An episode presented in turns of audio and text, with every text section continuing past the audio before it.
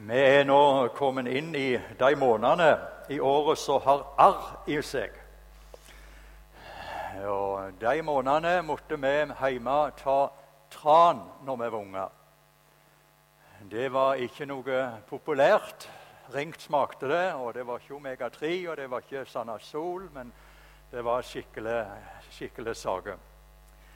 Og eh, med det for mor så betydde det mer enn eh, at eh, kroppen vår ble oppbygd, og forsvarsmekanismen den ble god gode for å møte alle bakteriene og alt vondt som vi møtte i hverdagen.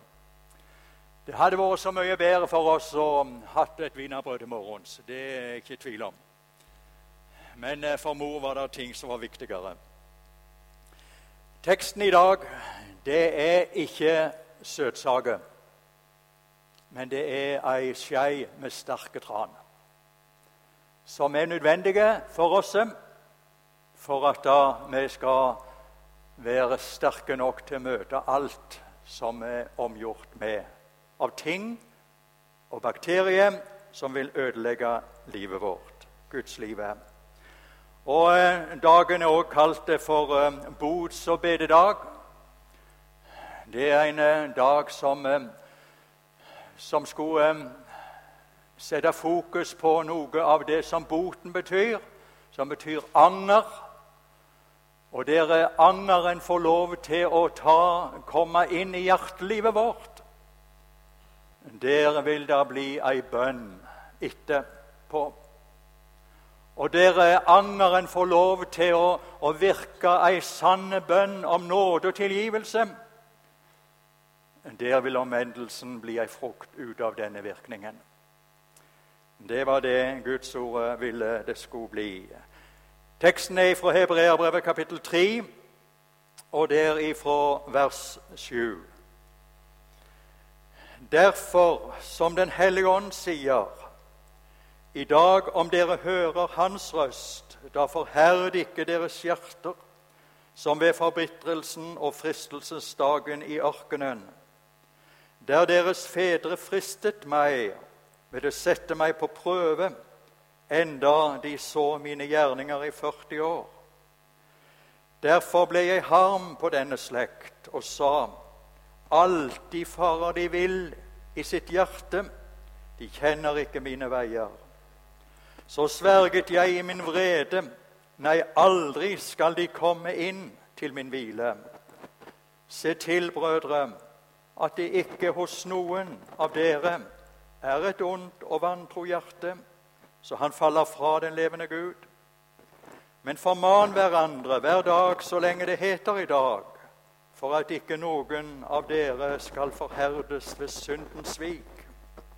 For vi har fått del med Kristus, så sant vi inntil enden holder fast ved den første fulle visshet.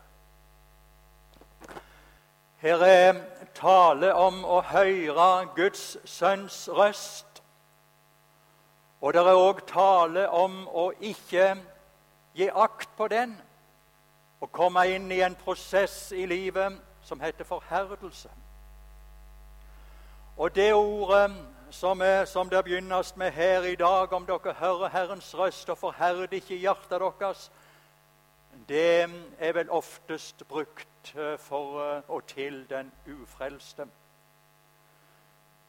Og eh, vi skal få lov til å se det slik at det er et Guds under, og det er et, Guds, et nødvendig Guds under at Gud kaller ham. Og det er det mange av oss som har fått opplevd òg i denne sal. For det er slik som Romerbrevet sier, det er ingen som søker Gud. Og så er vi avhengige av at Han søker oss og kaller oss. Eh, og Luther har eh, så genialt utforma det i eh, forklaringen til den tredje trusartikkel. Jeg tror at jeg ikke av egen fornuft eller kraft kan tro på Jesus Kristus, min Herre, eller komme til Han. Men Den hellige ånd har kalt meg ved evangeliet, opplyst meg med sine gaver helliggjort og oppholdt meg i den rette tro. det er avhengig at Gud kommer til oss. Og så rår vi ikke over dette med Guds kallet og overgivelsen til Han sjøl. Det er noe Gud må iverksette. Og Jesus sa det i Johannes 6, jeg tar også med det verset, i Johannes 6, 44, Ingen kan komme til meg uten at Faderen, som har sendt meg, drar ham.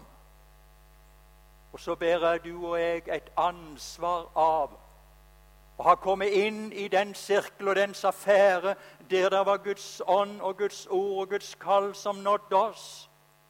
Og så er vi i, det, i, det, i, det, i den innhegningen har vi fått et ansvar overfor Gud og overfor vår egen sjel. Hva gjorde vi med kallet? Og eh, Der er det noe av den, det ansvarsområdet og noen negative frukter ut av den hos noen enkelte mennesker som teksten taler om, som gikk, kom inn i noe som heter forherdelse da Gud kalte. Og så mange tror, og dessverre noen forkynner, at eh, kallstida og nådetida den er så lenge som et menneske lever. Så lenge det er liv, så er det håp. Og um, vi kan bare som røveren sende opp ei bønn i den siste ellevte time.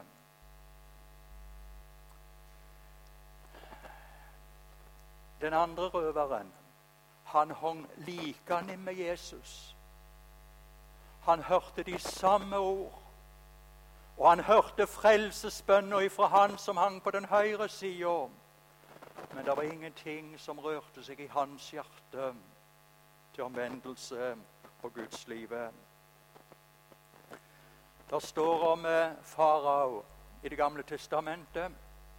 Når israelsfolket var i fangenskap og Gud ville fri dem ut derifra, så står det at farao, når Gud kom med de mange under og tegn og, og skulle mjuke hans hjerte, så står det han forherda seg gang etter gang.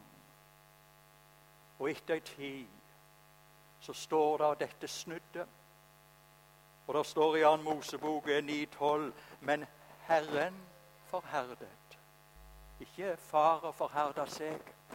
Men da var prosessen kommet så langt at det var Herren som hadde forherda faraos hjerte, slik at han ikke hørte. For hver en gang et menneske sier nei til Guds kalle, så legges det som et skall rundt sjelslivet. Og det ser ut for det at det blir vanskeligere og vanskeligere for Guds kall å komme inn. Og nådetida, den kan utløpe før levetida. Dessverre er det slik i åndens verden. Og skulle du være her som ennå ikke er en kristen, så hadde jeg lyst til å si Skulle du kjenne noe av dragelsen At jeg, jeg, jeg må gi meg over til Jesus og bli frelst Da eh, skulle du eh, gjøre som det står her i de første versene vi leste. Derfor som Den hellige ånd sier i dag, i dag, om du hører Hans røst, da forherd ikke hjertet. For det er ikke bare Gud som forkynner omvendelse, sier Hallesby i talen sin. Det gjør òg den vonde. Men han sier alltid 'seinere, seinere, seinere'. Du skulle takke fordi enda hjertet blir berørt av dragelse til Gud. Og så skulle du si ja i dag til hans kall. Der er et uh, trist vitnesbyrd ifra en konge som vi har i apostelgjerningene. Det er det siste Bibelens vitnesbyrd ifra hans munn. Det han sier til Paulus, det mangler lite på at du får overtalt meg til å bli en kristen, sa kong Agrippa til Paulus. Det mangler lite. Nesten en kristen.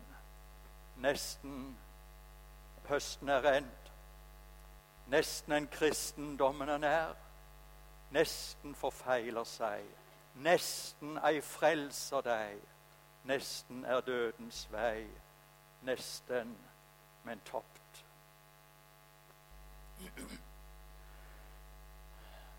Her er det ikke skrevet til ufrelste og verden, dette ordet som vi har lest i dag.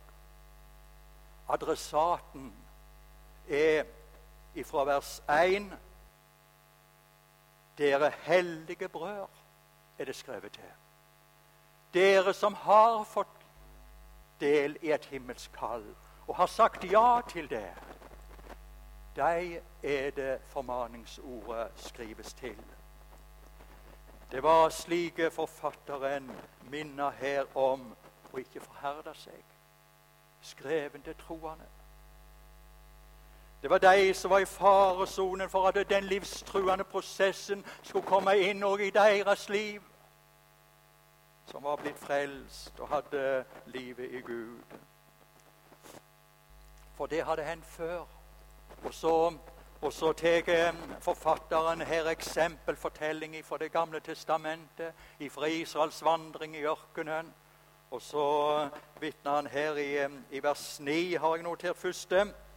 Deres fedre fristet meg ved å sette meg på prøve, enda de så mine gjerninger i 40 år. Svikefullt er hjertet, sier profeten. Tenk å ha opplevd Guds velgjerninger i 40 år. Og så var det noe som drog tilbake til Egypten. Og så var det noe som satte seg opp imot gudsledelsen og gudsførelsen og ordet og hans ledere. Og eh, på den måten så frista de òg Gud. Og følgende lot seg ikke vente på, vers 10 og 11.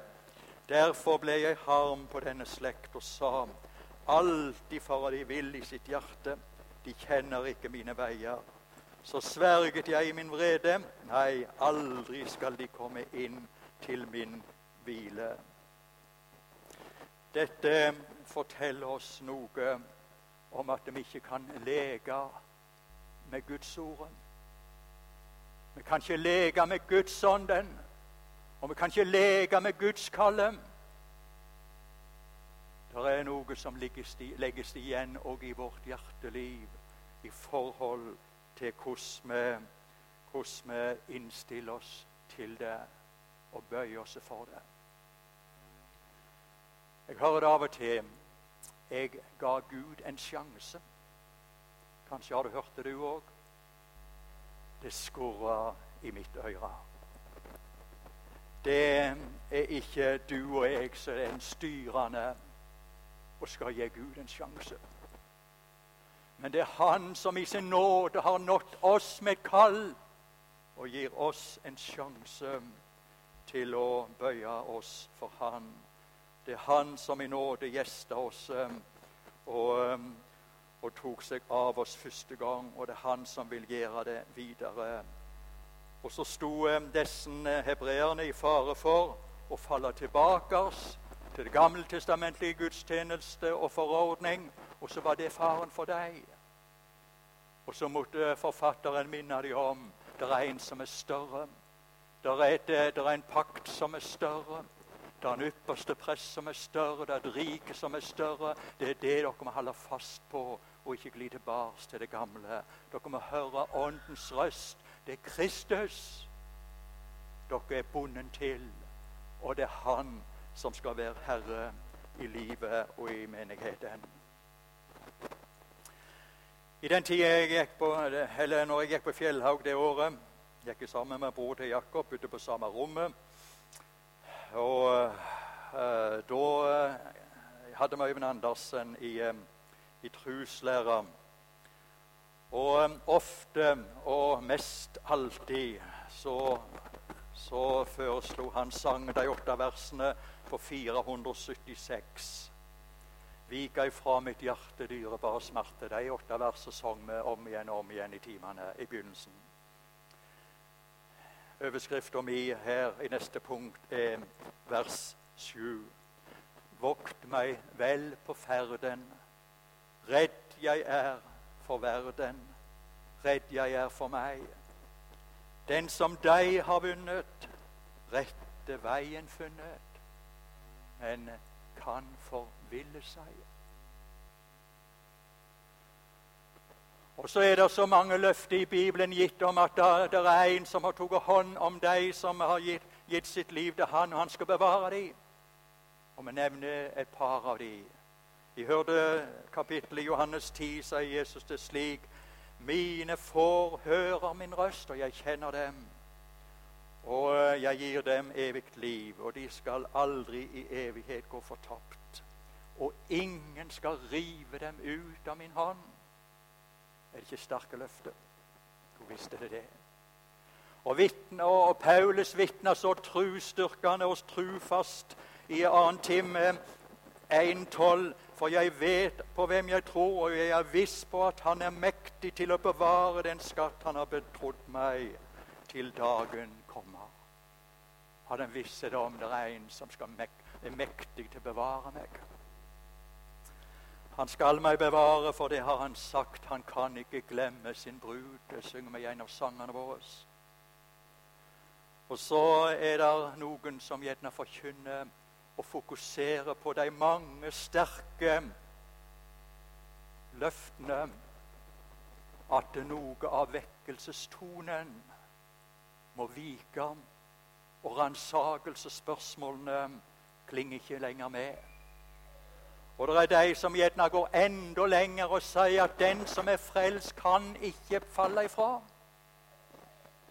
Tekstordet vårt vitner om noe annet.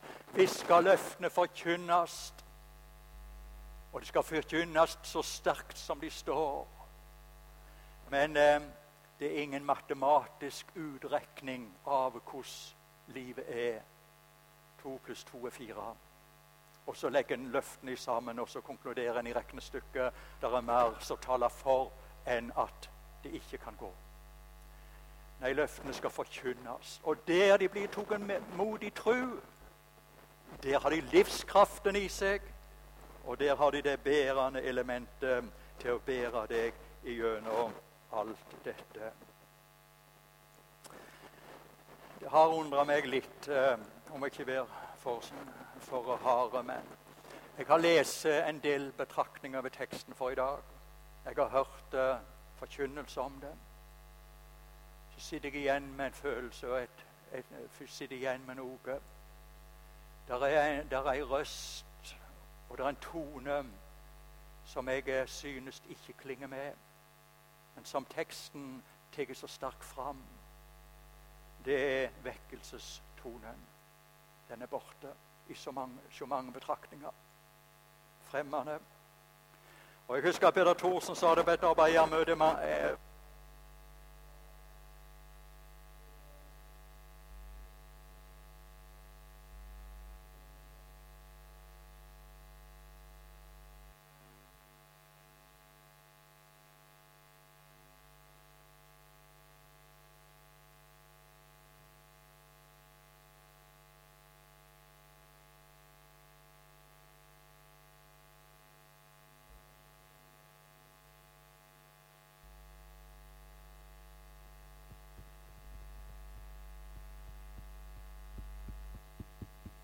det nærmer seg her. Gjør det?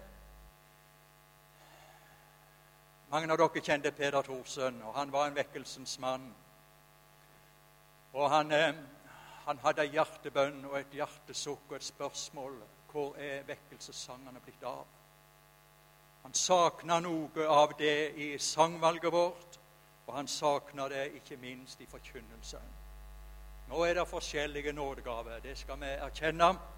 Men eh, allikevel så, så, er det noe som vi trenger å ta med oss.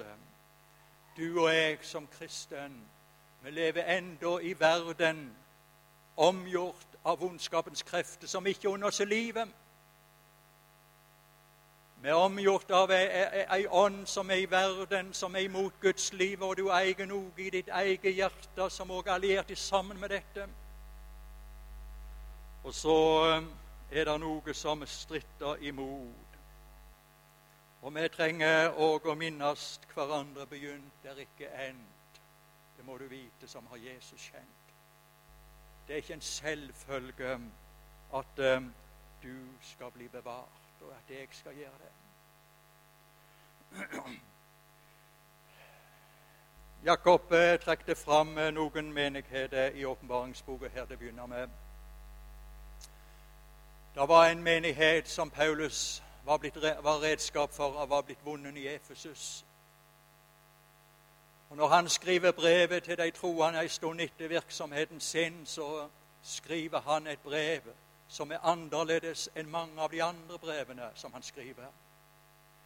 I motsetning til de mange brevene ellers som han skriver til menighetene, så er det ingen klandring, ingen bebreidende ting som han har å si om menigheten i Efesus. Det var en så rik forsamling og menighet at uh, Paulus fant ikke noe som han trengte å korrigere i Guds liv og gudstjenesten deres. Så går én generasjon ca. 30 år. Og så er det en ny som skriver brev med apostolisk autoritet. Det er Jesus sjøl i åpenbaringsboka, som er blitt min omdåpning. Og så skriver Jesus der igjennom ved apostelen Johannes sin, sin hånd og penn. Så stiger han fram, og så sier han det i kapittel 2.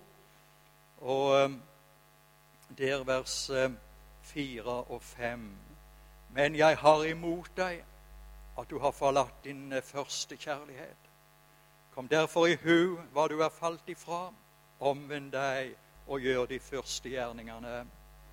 Men hvis ikke, så kommer jeg over deg brått og ville flytte din lysestake bort fra ditt sted hvis du ikke omvender deg. et fall i en kristens liv, det er ikke ensbetydende med frafall. Og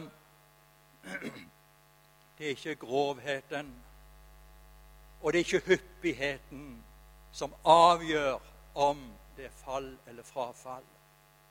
Men det er hva du gjorde med fallet og etter. er det synden blitt et problem som du må til Jesus med, så skal du vite at det er ei dør som står åpen. Du eh, får komme til Jesus når gale det gikk. Du får komme for tusende gang. Han vil reise deg opp, han vil glede deg igjen, han vil fylle ditt hjerte med sang. Men eh, den dagen en begynner å, å ville forsvare og likedan unnskylde syndelivet, da er prosessen begynt i en negativ retning i troslivet hos Da står vi i fare for å komme inn i det prosessen som hebreerne ble formant imot, om at det kan òg komme en forherdelsesprosess inn i vårt liv, inn i troslivet når vi begynner å sette opp noe imot gudstalen, ledelsen, ordet og ånden.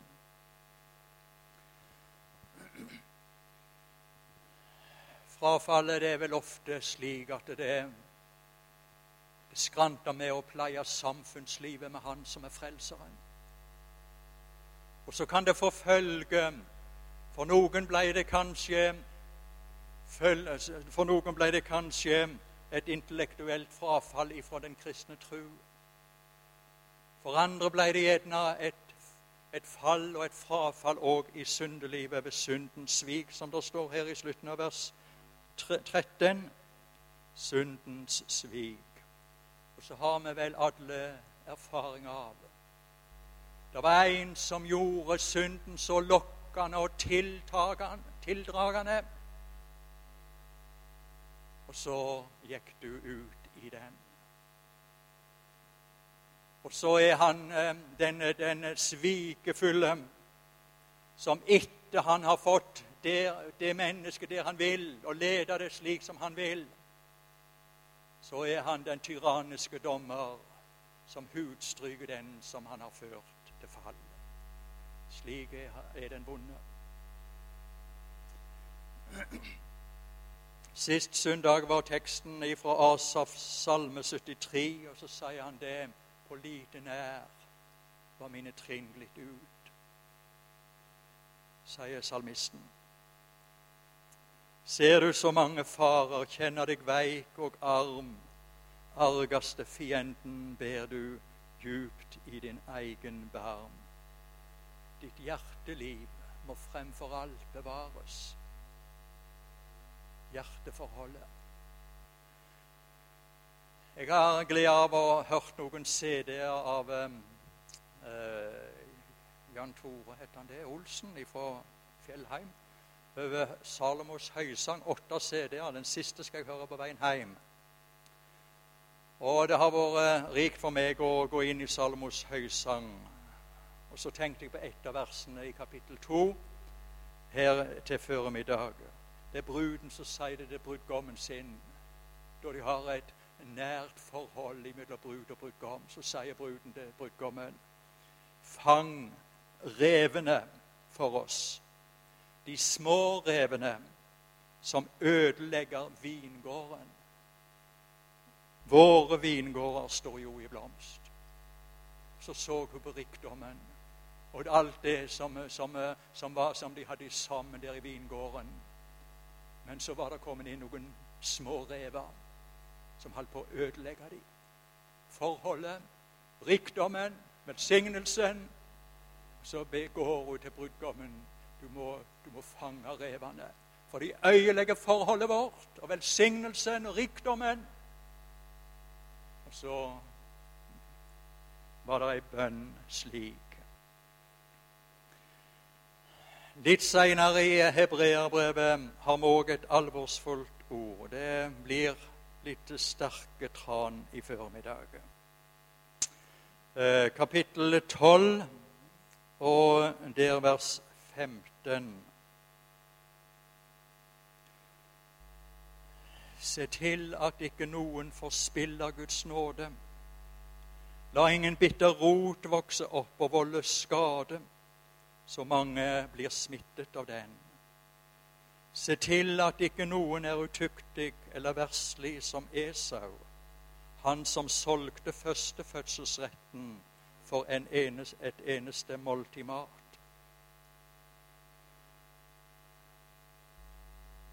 Det var lørdagskveld i møteveka, og vi så det med kveldsbordet i heimen. Og så begynner tårene å renne på far i hus.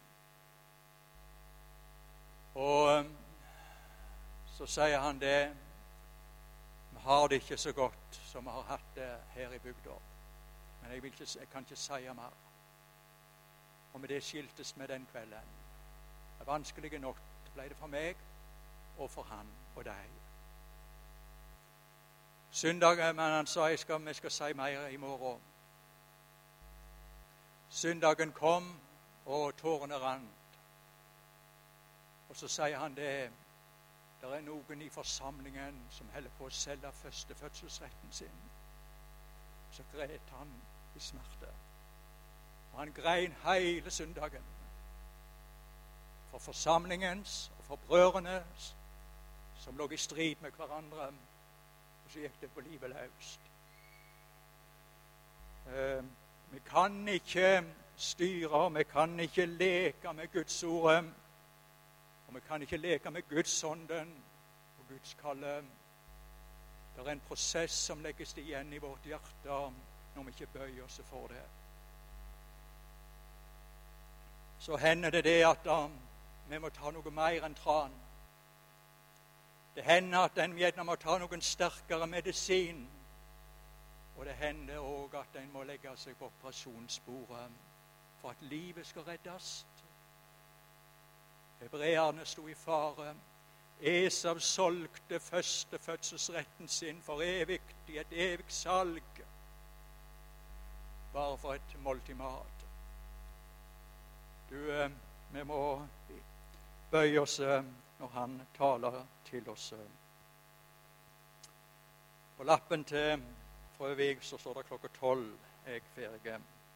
Jeg begynte ett minutt over. Nå er jeg over tida. Til sist står det bitte litt i vers 13 om forman hverandre hver dag. Og det var det apostelen her gjorde til de som hadde fått del i et himmelsk kall. Så formante han de dere må gi akt på ypperste presten. Det er den ene halvdel i Kristi tjeneste, der han går i forbønn for dere. Og så må dere òg gi akt på han som apostel. Det er den andre halvdelen i hans tjeneste. Og apostelen, det er han som kommer med himmelautoritet og taler her på jorda. Gi akt på det han taler til deg. Se til at dere ikke avviser Han som taler ifra himmelen, står det videre i kapittel 12. Så taler han til deg. Så skulle du bøye deg for formaningen. Og så er det òg Gud har satt òg inn i menigheten noen til å formane. Og Barnabas blir kalt formaningens sønn. Han hadde nådegave til å formane ham. Den skal vi heller ikke avvise. Men bøy oss um, for den, for at ikke forherdelsen skal komme over vårt hjerte. Før ditt verk til ende, siste verset i 476. Regn og sol du sender, bruk de råd du vil. Bare du meg fører, så til sist meg hører himmelriket til. Herre Jesus, takk for du kom med ditt kall inn i vårt liv. Takk for hver en som svarte ja til det. Og så ber vi om at livet ikke må bli en selvfølge, og at vi styrer oss styrer deg i alle ting, men at det er du som får lov til å styre oss. Og vi ber om å få eie et hjerte som bøyer seg for ordet ditt og for ånden din og for ledelsen din, og at det ikke er hardt og blir hardere og hardere. For det er Guds livet som må bevares, og det er målet som må vinnes for oss.